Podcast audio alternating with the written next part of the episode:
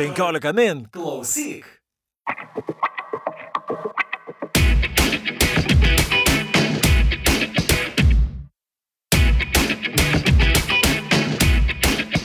Sveiki, jūs įsijungėte 15 min klausyk podcastą apie technologijas ir gyvenimą Technotronika. Aš esu Gediminas Galkauskas. Šios dienos tema - technologijos ir kelionės. O prieš pradedant ją nagrinėti, trumpa Technotronikos rėmėjų informacija. Technotronikos podcastą palaiko Startup Lithuania, geriausias startuolių draugas Lietuvoje. O nuo šiandien mes turime ir naują laidos partnerį - Hostinger. Tai pasaulinis ypač greitų web hostingo paslaugų tiekėjas su visą parą veikiančia klientų aptarnavimo komanda. Čia turėsite viską, ko reikia patogiam ir greitam interneto projektų startui bei vystimui. Ir technotronikos klausytojai visoms hostingo paslaugoms gauna papildomą 15 procentų nuolaidą. Tai reikia nueiti į hostinger.lt pasvirasis brūkšnys technotronika ir panaudoti kodą technotronika. Tai tai yra taip paprasta. Taigi, technologijos kelionių industrijoje. Mes dabar labai lengvai galime ieškoti pigiausių bilietų ar apgyvendinimo vietų daugybėje sistemų. Yra aplikacijos, kurios numato, kada skrydžių kaina būna pigiausia. Tai galima daryti tiek su Google Flights, tiek su Hooper aplikacijomis. Galų gale technologijos gali nulemti, kiek mokėsime už bilietą. Pavyzdžiui, jei per dažnai tikriname kokią nors kryptį, mums teikiamas kainos pasiūlymus gali tapti brangesnis nei kam nors ieškančiam to paties skrydžio pirmą kartą. Nes tega technologijų sistema žino, kad mes labai suinteresuoti tą kryptimį ir ko gero pasiruošę mokėti daugiau. Visą tai pakeitė ir kelionių planavimą. Mes vis dažniau viską darome vietoje. Jau prieš keliarius metus vaikščiojo statistika, kad per metus viešbučių paieška išmaniuosiuose telefonuose pagal kriterijų Near Me, tai yra, na, viešbučiai šalia manęs, paaugo 30 procentų.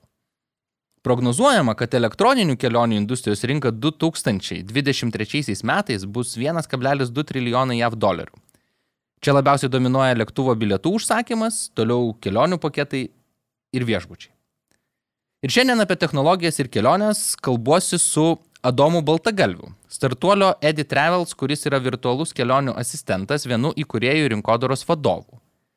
Prieš pradėdamas pokalbį su Adomu, primenu, kad Technotronikos galima klausytis 15 min klausyk platformoje, o taip pat Spotify, Apple, Google Podcast, Stitcher ir kitose populiariose podcastų platformose. Taigi, Edi Travels šiemet vykusioje Startup Fair Change konferencijoje buvo pripažinti geriausių startuolių. Labas Adomai. Sveiki. Ir klausimas labai paprastas, kaip trumpai ir paprastai papasakoti žmogui iš gatvės, kas yra Edi Travels. Taip, tai Eddie Travels yra virtualus kelionių asistentas. Ir kad būtų paprasčiau įsivaizduoti, yra kaip Siri arba Alexa, bet grinai sufokusuota į keliones. Kad būtų galima parašyti tekstinę, arba bal, e, tekstinę žinutę arba išsiųsti balso žinutę ir gauti skrydžių pasiūlymas, viešbučių informaciją, e, lankytinas vietas, turus, gidus ir ateityje daugiau. O kaip aš galėčiau tada Edi Travels surasti? Taip, tai įdomiausia, kad Eddie Travels yra pasiekiamas populiariausiose žinučių siuntimo programėlėse, tokiuose kaip Facebook, e, Facebook Messenger, WhatsApp, Telegram, Viber, Slack. Tai nereikia nieko daugiau siūstis, galima tiesiog nueiti, paieškoti Eddie Travels ir pradėti pašnekėti su juo. Tai kitaip tariant, aš turiu messengerį, parašau užklausą ir tada pradedu bendrauti tai, ką sako, na, chatbotas tai vadinasi. Beje, kaip chatbotai lietuviškai, gal jūs jau esate išsiaiškinę šitą? Girdėjau, kad išmanusis pokalbių robotas. A, visą laiką tai blogai skamba. Taip, labai. okay. Tai klausimas, kodėl jūs pasirinkote chatbot sprendimą? Tai pirmiausia, gal toks įkvėpimas buvo kelionės e, Kinijoje. Nes mes ten pamatėm, ypač mūsų CEO, kuris e, dažnai keliauja į Kiniją, pamatė, kaip e, WeChat programėlė yra pažengusi ir mobilio, mobiliosios komercijos ir chato prasme. Tai visa didžioji dalis komercijos beveik visa yra būtent toje programėlėje. Galima ir kavos užsisakyti, ir taksį įsikviesti, ir ieškoti viešbučių, skrydžių ir taip toliau. Ir pamatėm, kaip panaši situacija yra Pietų Amerikoje, tik tais WhatsApp'e ir taip pat su verslo paslaugom. Tai kuo toliau, tuo labiau žmonės ieško informacijos mobiliuosiuose įrenginiuose. Jie nori ją gauti čia ir dabar per ateinančias kelias minutės. Ir dažnai kreipiasi į verslus rašy, rašydami žinutės, kad vat, kaip greitai galima būtų atsakyti jų klausimus arba padėti kažką nusipirkti. Tai mes stengiamės tiesiog sujungti šit, visus šitos dalykus, kad yra milijardai žmonių, kurie naudojasi žinučių siuntimo programėlės, program, programėlėmis, kad jie ieško informacijos, kad jie nori keliauti ir mes norime tą pateikti labai paprastą, patogia išaiška, tai yra vat, kalbėtis kaip rašant žinutės arba net siunčiant uh, balso žinutės. Aš išbandžiau uh, Edit Travel sprendimą uh, Messengeryje. Ir gavau pasiūlymus iš Vilniaus į Bruselį, tai paprastai pasižiūrėjau. Gavau penkis pasiūlymus, viskas ok. Mhm. Man klausimas yra, kodėl žmogui, na, chatbotą naudoti, ne, o kas skanerį, nes vis tiek jūs turite kaip limituotą pasiūlymų, ką išmetate, ne? nes buvo, man atrodo, penkis aš gavau pasiūlymus. Taip.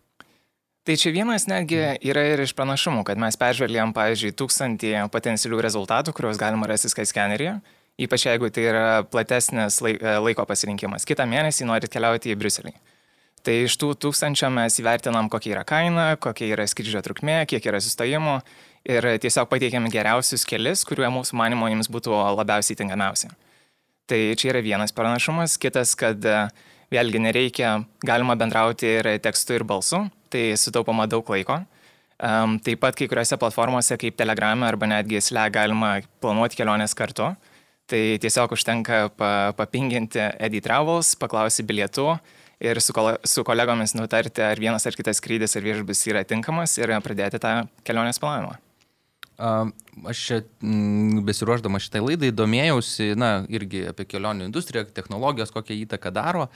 Ir užtikau tokią labai įdomią informaciją, kad, na, atrodo, kad dabar kelionę užsisakyti yra nu, lengviau negu prieš 20 metų, kai paprastai procesas būdavo labai paprastas, arba tu įmi telefoną skambini į kažkokią kelionę agentūrą, arba greičiausiai tu eini į kelionę agentūrą, vartai žurnalus, o greičiausiai tu dar ir parsineši žurnalus, aš prisimenu, uh, kaip mano tėvai pradėjo važiuoti pirmas keliones ir jie ten Novatūro ar kieno nors ten žurnalus storus atsineždavo. Bet uh, dabar uh, Google duomenimis, uh, rinkdamiesi kelionę, praleidžiame vidutiniškai 36 dienas online rinkdamiesi. Ir turime tos vadinamus 45 touch pointus. Na, Būtent. Susidūrim, na, susilietimo taškus, vėl vat, lietuviškai, tie dalykai ne visą laiką gerai skamba. Taip. Bet uh, Tai yra iš tikrųjų begalė daug, begalė darbo mes patys atliekame, triukšmas yra milžiniškas ir ko gero čia yra na, jūsų niša personalizacija ir kaip tik susiaurinimas pasirinkimo. Ne? Taip. Tai man asmeniškai šita problema kelionių planavimo, planavimo yra labai artima, nes aš prieš prisijungdamas prie Deitrelos praleidau penkis metus keliaudamas ir dirbdamas iš skirtingų šalių. Tai jau aplankiau virš 30 šalių ir kiekvieną kartą, kai teko tiesiog skristi iš vienos vietos į kitą, tek, tekdavo praleisti, nežinau, valandų valandas ieškant geriausių skrydžių, viešbučių, po to išsiaiškinti, koks yra vietinis transportas, kaip, kokia yra vizų informacija, reikia kelionių draudimo ir taip toliau. Tai ką jūs paminėjote apie tai, kad žmonės turi virš 40 prisilietimų planuojant keliones, tai tai yra didžiausia problema, jog atrodo per dešimt metų um, technologijos taip stipriai pažengė į priekį, bet vis dar yra labai sudėtinga ir painu, kai yra tiek daug skirtingų platformų, ir tiek daug skirtingų svetainių, ir tiek daug skirtingų appsų, kuriuos galima aplankyti, ir kaip iš tiesų efektyviai ir greitai tą kelionę susiplanuoti. Tai mūsų yra pranašumas tame, kad mes e, sujungėme įvairius e, paslaugų ir produktų tiekėjus vienoje vietoje ir pateikėm tai vėlgi labai paprastą formą, kad tiesiog galima parašyti žinutę kaip rašytum savo kelionių agentui ir jis per kelias sekundės sugrįž su geriausiais skrydžių pasiūlymais, viešbučiais ir kitą informaciją. O tai gal čia ir komercinė paslaptis, bet kaip veikia jūsų algoritmas? Ar kiek duombazių, kiek puslapių jūs, na, tyrėte, sekate ir analizuojate? Mes džiaugiamės, kad dabar pagrindinis mūsų partneris yra Skyscanner. Tai e, iš jų gauname informaciją ir tuos e, e, skrydžių duomenys, ir viešbučių, e, ir mašinų nuomai. Tai Skyscanneris turi prieimą ir partnerį su be ne visomis didžiausiamis e, skrydžių oro linijomis. Um, todėl galim įvertinti greitai va, tuos tūkstančius skirtingų pasiūlymų ir iš, išrinkti geriausius, kurie uh, jums labiausiai tiktų. Mhm.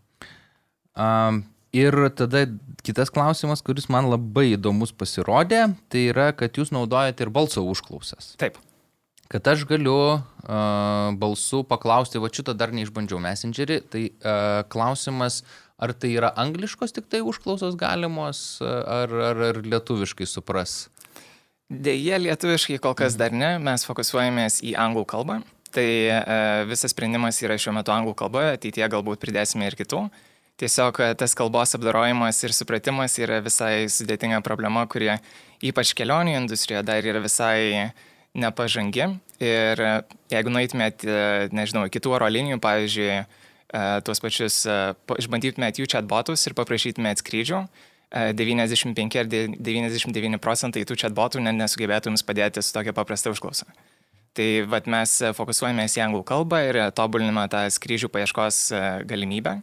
Ir integracija su balsu yra dar paprastesnis ir dar efektyvesnis būdas paieškoti um, tos pačios informacijos ir labai greitai gauti rezultatus. Man atrodo, kad dar ilgai nešnekės tie balso asistentai lietuviškai, nes labai daug uh, reikalauja duomenų, kad ta kalba būtų na, ir natūrali, ir, ir, ir iš tikrųjų atliktų funkciją. Taip. Ir galima, aišku, specializuoti, tačiau na, ten labai brangu tokiai mažai kalbai ir mažai rinkai tai iš principo daryti šitą dalyką. Bet e, kitas klausimas, ar jūs na, dabar tik tai messengeriuose tai darote, ar jūs galvojate ir apie tos balso asistentus, pavyzdžiui, Amazon Alexa, Google Home, Siri?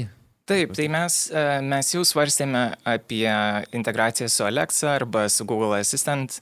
Tiesiog e, ten yra keletas tam tikrų apribojimų, kuriuo uh, kaip pavyzdžiui, Aleksoje mes negalėtume naudoti savo kalbos supratimo, reikėtų viską per, e, perkoduoti ir perkurti naudojant Alexa įrankius, kas, e, nu, kaip ir atima iš mūsų visą tą pagrindinį pranašumą, kurį turime. Tai mes dėl to fokusuojamės dabar į, į visą šitą žinučių sintimo programėlės ir plečiamės jas. Taip pat žinome, kad ten yra kur kas daugiau žmonių šiuo metu, tai yra ir mums patogiau, ir tiems vartotojams, kurie yra ten, kad jie galėtų mus e, pasiekti. McKinsey Global Institute prognozuoja, kad būtent kelionių industrijoje dirbtinio intelekto panaudojimas iš visų esamų industrijų sukurs didžiausią pridėtinę vertę. Skaičiuojama, kad toks poveikis iki 2025 metų gali būti plus 400 milijonų JAV dolerių. O taip yra todėl, kad McKinsey duomenimis būtent kelionių industrija iki šiol yra lėčiausia taikydama dirbtinio intelekto sprendimus savo rinkoje. 2017, 2017 metais tokių kelionių kelionių sektoriaus įmonių buvo 11 procentų, tai mažiau netgi už statybų sektorių, kuris nu, man niekada netrodo žiauriai modernus. Mhm. Ir netgi nuo šito sektoriaus kelionių industrija atsilieka dirbtinio intelekto panaudojime. Ir aš žinau, kad jūs taikote ir na, B2B, verslas verslų sprendimus, na, ke, ke, kreipiasi jūs kelionių agentūros, partneriai. Ir man klausimas kyla, kodėl ta kelionių industrija tokia lėta iš tikrųjų adaptuojant tas na, dirbtinio intelekto sprendimą ir ką jūs matote iš savo pusės, nes būtent jūs pradedat su jais irgi dirbti. Taip, tai e, dėl ko jos tokios lėtos, gal reikėtų paklausti pačių oro linijų, bet tiesiog įsivaizduoju, kadangi tos sistemos yra tokios didelės ir kompleksiškos, kad e, patys projektai, kurie yra susijęs su dirbtinio intelekto panaudojimu, užtrunka, nu, gali, turi praeiti labai labai daug e, barjerų, kad kažkas juos į, įvertintų ir integruotų, bet uh, Mes nuo pat mūsų asistento paleidimo pradėjome gauti užklausas iš įvairių kelionių įmonių, kad ir ar tai yra kelionių agentūros, ar tai yra turų įmonės, ar kažkokios kitos, kurios norėtų e, taip pat automatizuoti jų klientų aptarnavimą. Tai reiškia, jie gauna šimtus ar tūkstančius e, žinučių per mėnesį ir e, turint darbuotojus kartais yra sudėtinga tai tiesiog efektyviai įspręs arba žmonės turi laukti tris dienas, kad gautų atsakymą. Tai vietoj to mes galėtumėme integruoti savo tą patį chatbotą ir mūsų kalbos supratimą į jų platformas, prijungti jų duomenis ir padėti ir jų vartotojams, ir tiem patiems verslams tiesiog ir greičiau, efektyviau um, suteikti informaciją ir netgi daugiau uždirbti iš tų visų platformų. O kaip manai, kokio vat, didžio industrija tai yra vat, jūsų atžvilgių chatbotai ir na, vat, kelionių agentūros, avialinijos, į kokią rinkos dalį jūs taikotės? Mes, e, kadangi mūsų didžiausias pranašumas šiuo metu yra skrydžių paieška, tai dabar ir e, kalbame su įvairiomis e, oro linijomis ir stengiamės rasti tą pirminį pilotinį projektą, kurį būtų galima pradėti ir išbandyti. Bet taip žiūrint, bet kuri kelionių įmonė ar bet kuri skrydžių oro linija ar, ar turų operatoriai ar kelionių agentūros, jos galėtų potencialiai būti mūsų klientai ir integruoti tokį įrankį.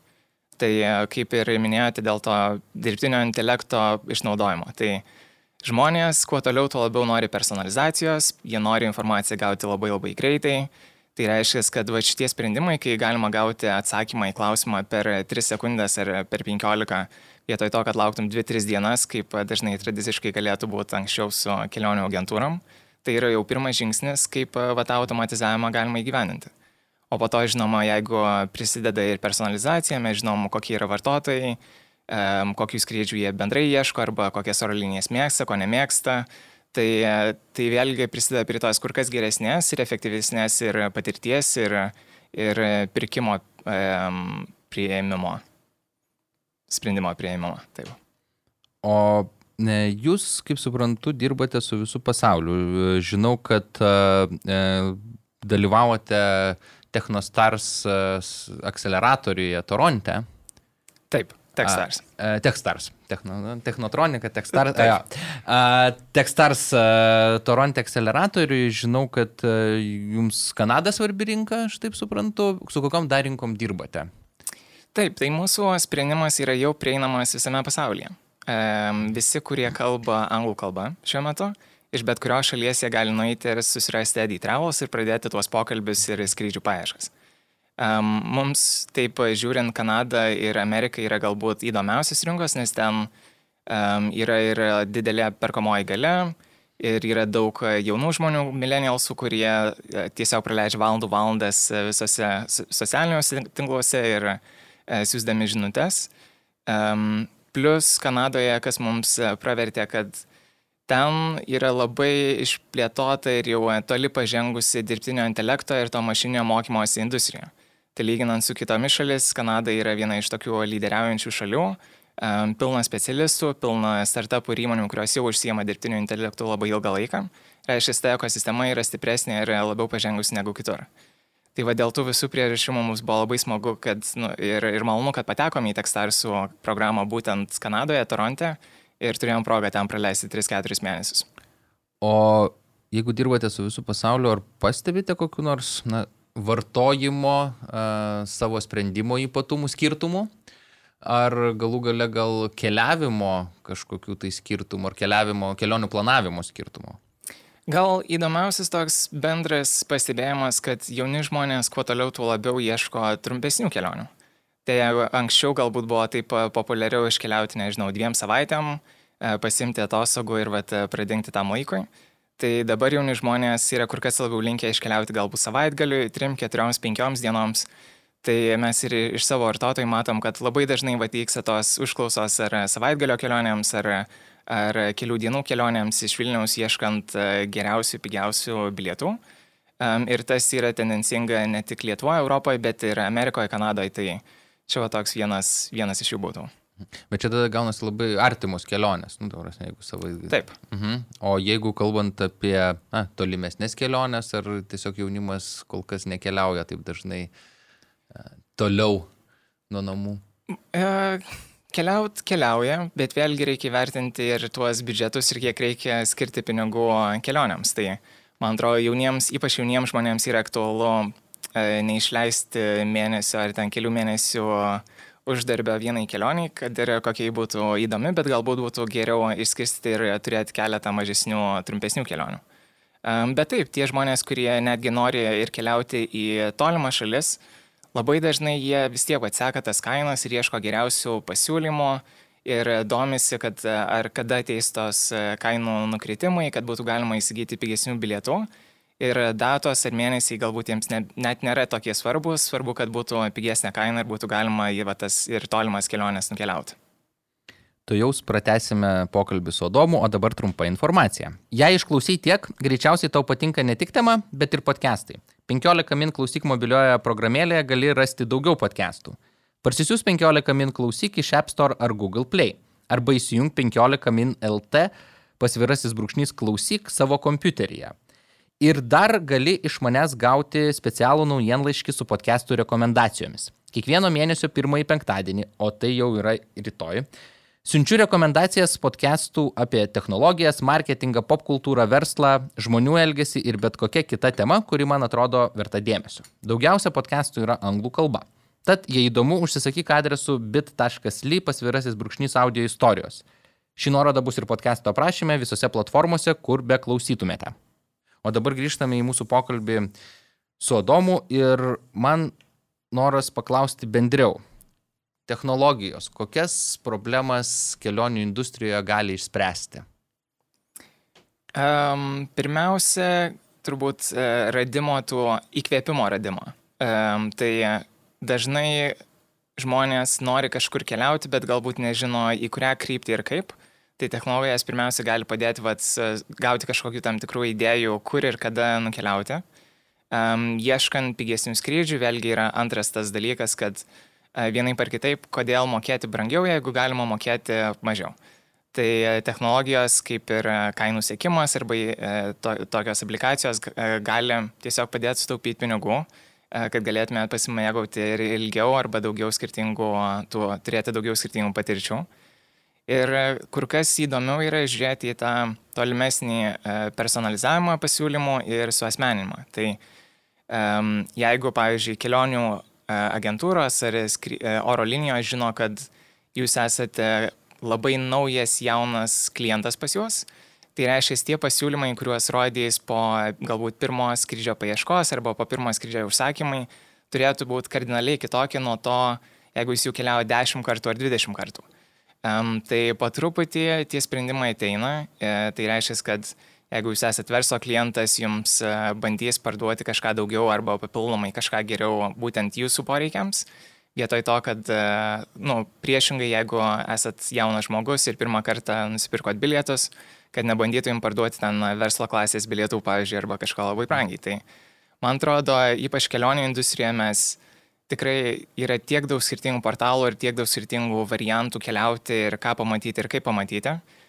Ir tai sukelia tiek daug dažnai neigiamų emocijų, kai reikia išsirinkti kaip ir kur kad e, žmonės net nu, kartais pasiduoda arba jie tiesiog atidėlioja ilgam laiko tarpui, kad e, e, kol jau labai pradeda degti tas poreikis ir, ir noras keliauti. Tai man atrodo, personalizacija bus vienas iš tokių įdomiausių dalykų per ateinančius 50 metų. Tai kitaip tariant, mes, na, dėl technologijų tikriausiai keliaujame daugiau. Manau, kad taip. Čia kokius e, ekologijos fanus turėtų ištikti toksai širdies smūgis, nes dabar visi čia bando keliauti kaip čia e, tas e, smart travel ir, mhm. ir, ir, ir, ir kaip sąmoningas keliavimas, kad rinktis lėktuvus, ko gero, na, rečiau skrydžius lėktuvų, bet, na, realybė yra tokia, man įdomu kainos. Epizodo pradžioje minėjau e, tokį faktą, kad na, yra tas, kad e, lygiai taip pat, jeigu sistema žino, kad tu esi jaunas žmogus ir tau galima vieni, vienus pasiūlymus e, teikti kainos tame tarpe. Uh, kitas dalykas, jeigu aš tikrinu labai dažnai kažką, tai ne, nu ir būna ten tikrini ir žiūri, gal nukris kaina, bet dažniausiai, na, toks paradoksas būna, dažniausiai ta kaina pakyla. Mhm. A, tai ar tos technologijos padeda tas kainas mažinti, ar visgi kartais ir padidina mums?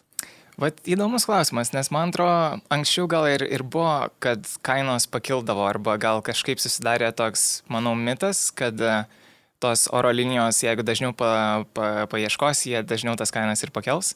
Bet kadangi dabar yra tokia didelė konkurencija ir ypač kalbant apie skrydžių kainas, tos mažos yra tokios nedidelės ir ir uždarbis yra toks mažas, kad, kad vieni, vieni kitus, vieni, vienos platformos su kitomis tiesiog konkuruoja ir tas kainas numuša iki jau mažiausios galimos.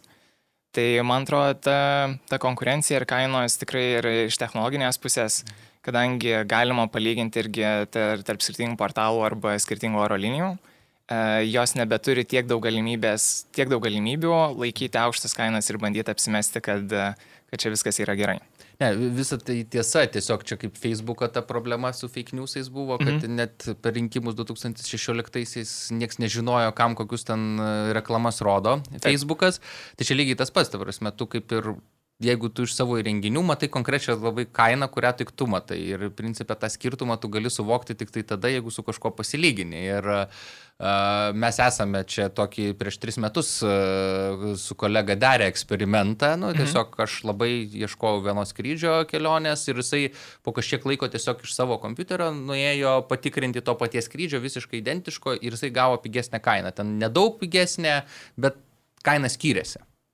Tai čia tiesiog tai iš, iš tos pusės ir man atrodo čia toksai vat, momentas, kad, kad yra, aš nežinau, ar dabar gal, gal kaip pats sakai, dėl konkurencijos ir pasikeitė tie dalykai, bet man vat, tas toksai momentas yra nutikęs, e, teko skaityti apie tai, teko išbandyti, mhm. e, tai vat, tiesiog dėl to ir įdomu.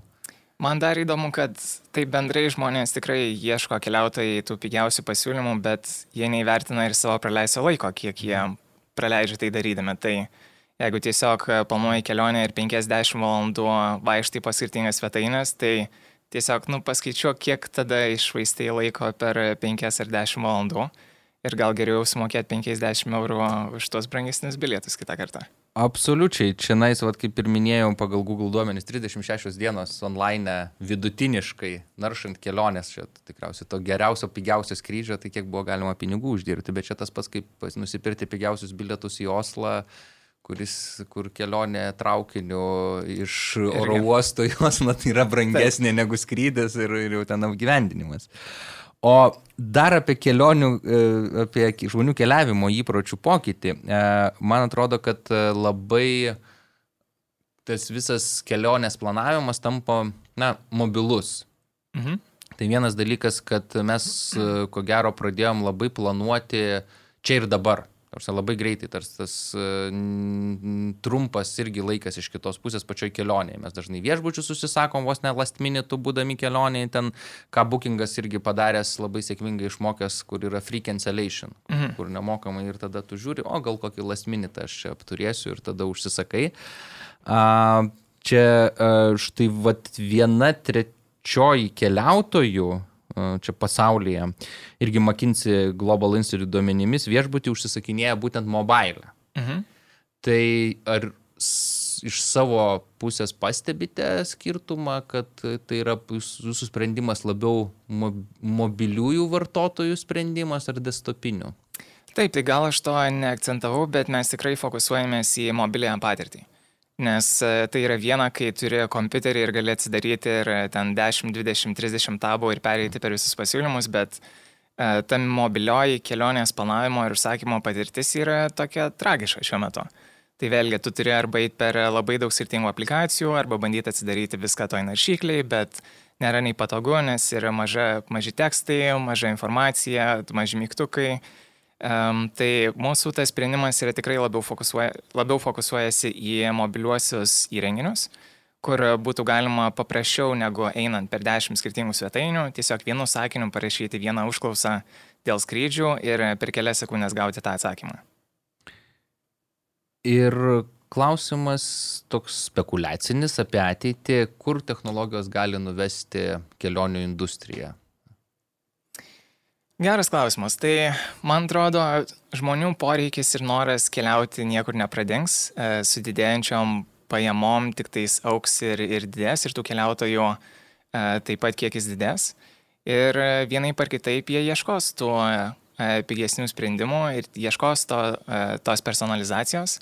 Tai man atrodo, visa kelionių industrija taip ir ieškos, kaip galima pateikti geresnę, efektyvesnę patirtį ir kaip galima įtraukti galbūt žmonės net skirtingose platformose, ne tik svetainėje, bet vėlgi tose žinučių siuntimo platformose, socialiniuose tinkluose. E, mes matom, kaip ir Facebookas dabar daro visus e, tokius e, žingsnius, kad taptų vakarų WeChatų. Tai man atrodo ir daug tos e-komercijos persikels į, pavyzdžiui, socialinius tinklus ir žinučių siuntimo programėlės.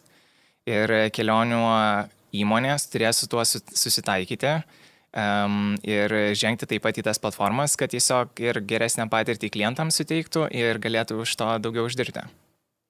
O jūs, na, iš principo, teikiate roboto pasiūlymą, ne, nu, tarsi, su robotu žmonės bendrauja ir klausimas, ar ateitie reikės kelionių konsultantų?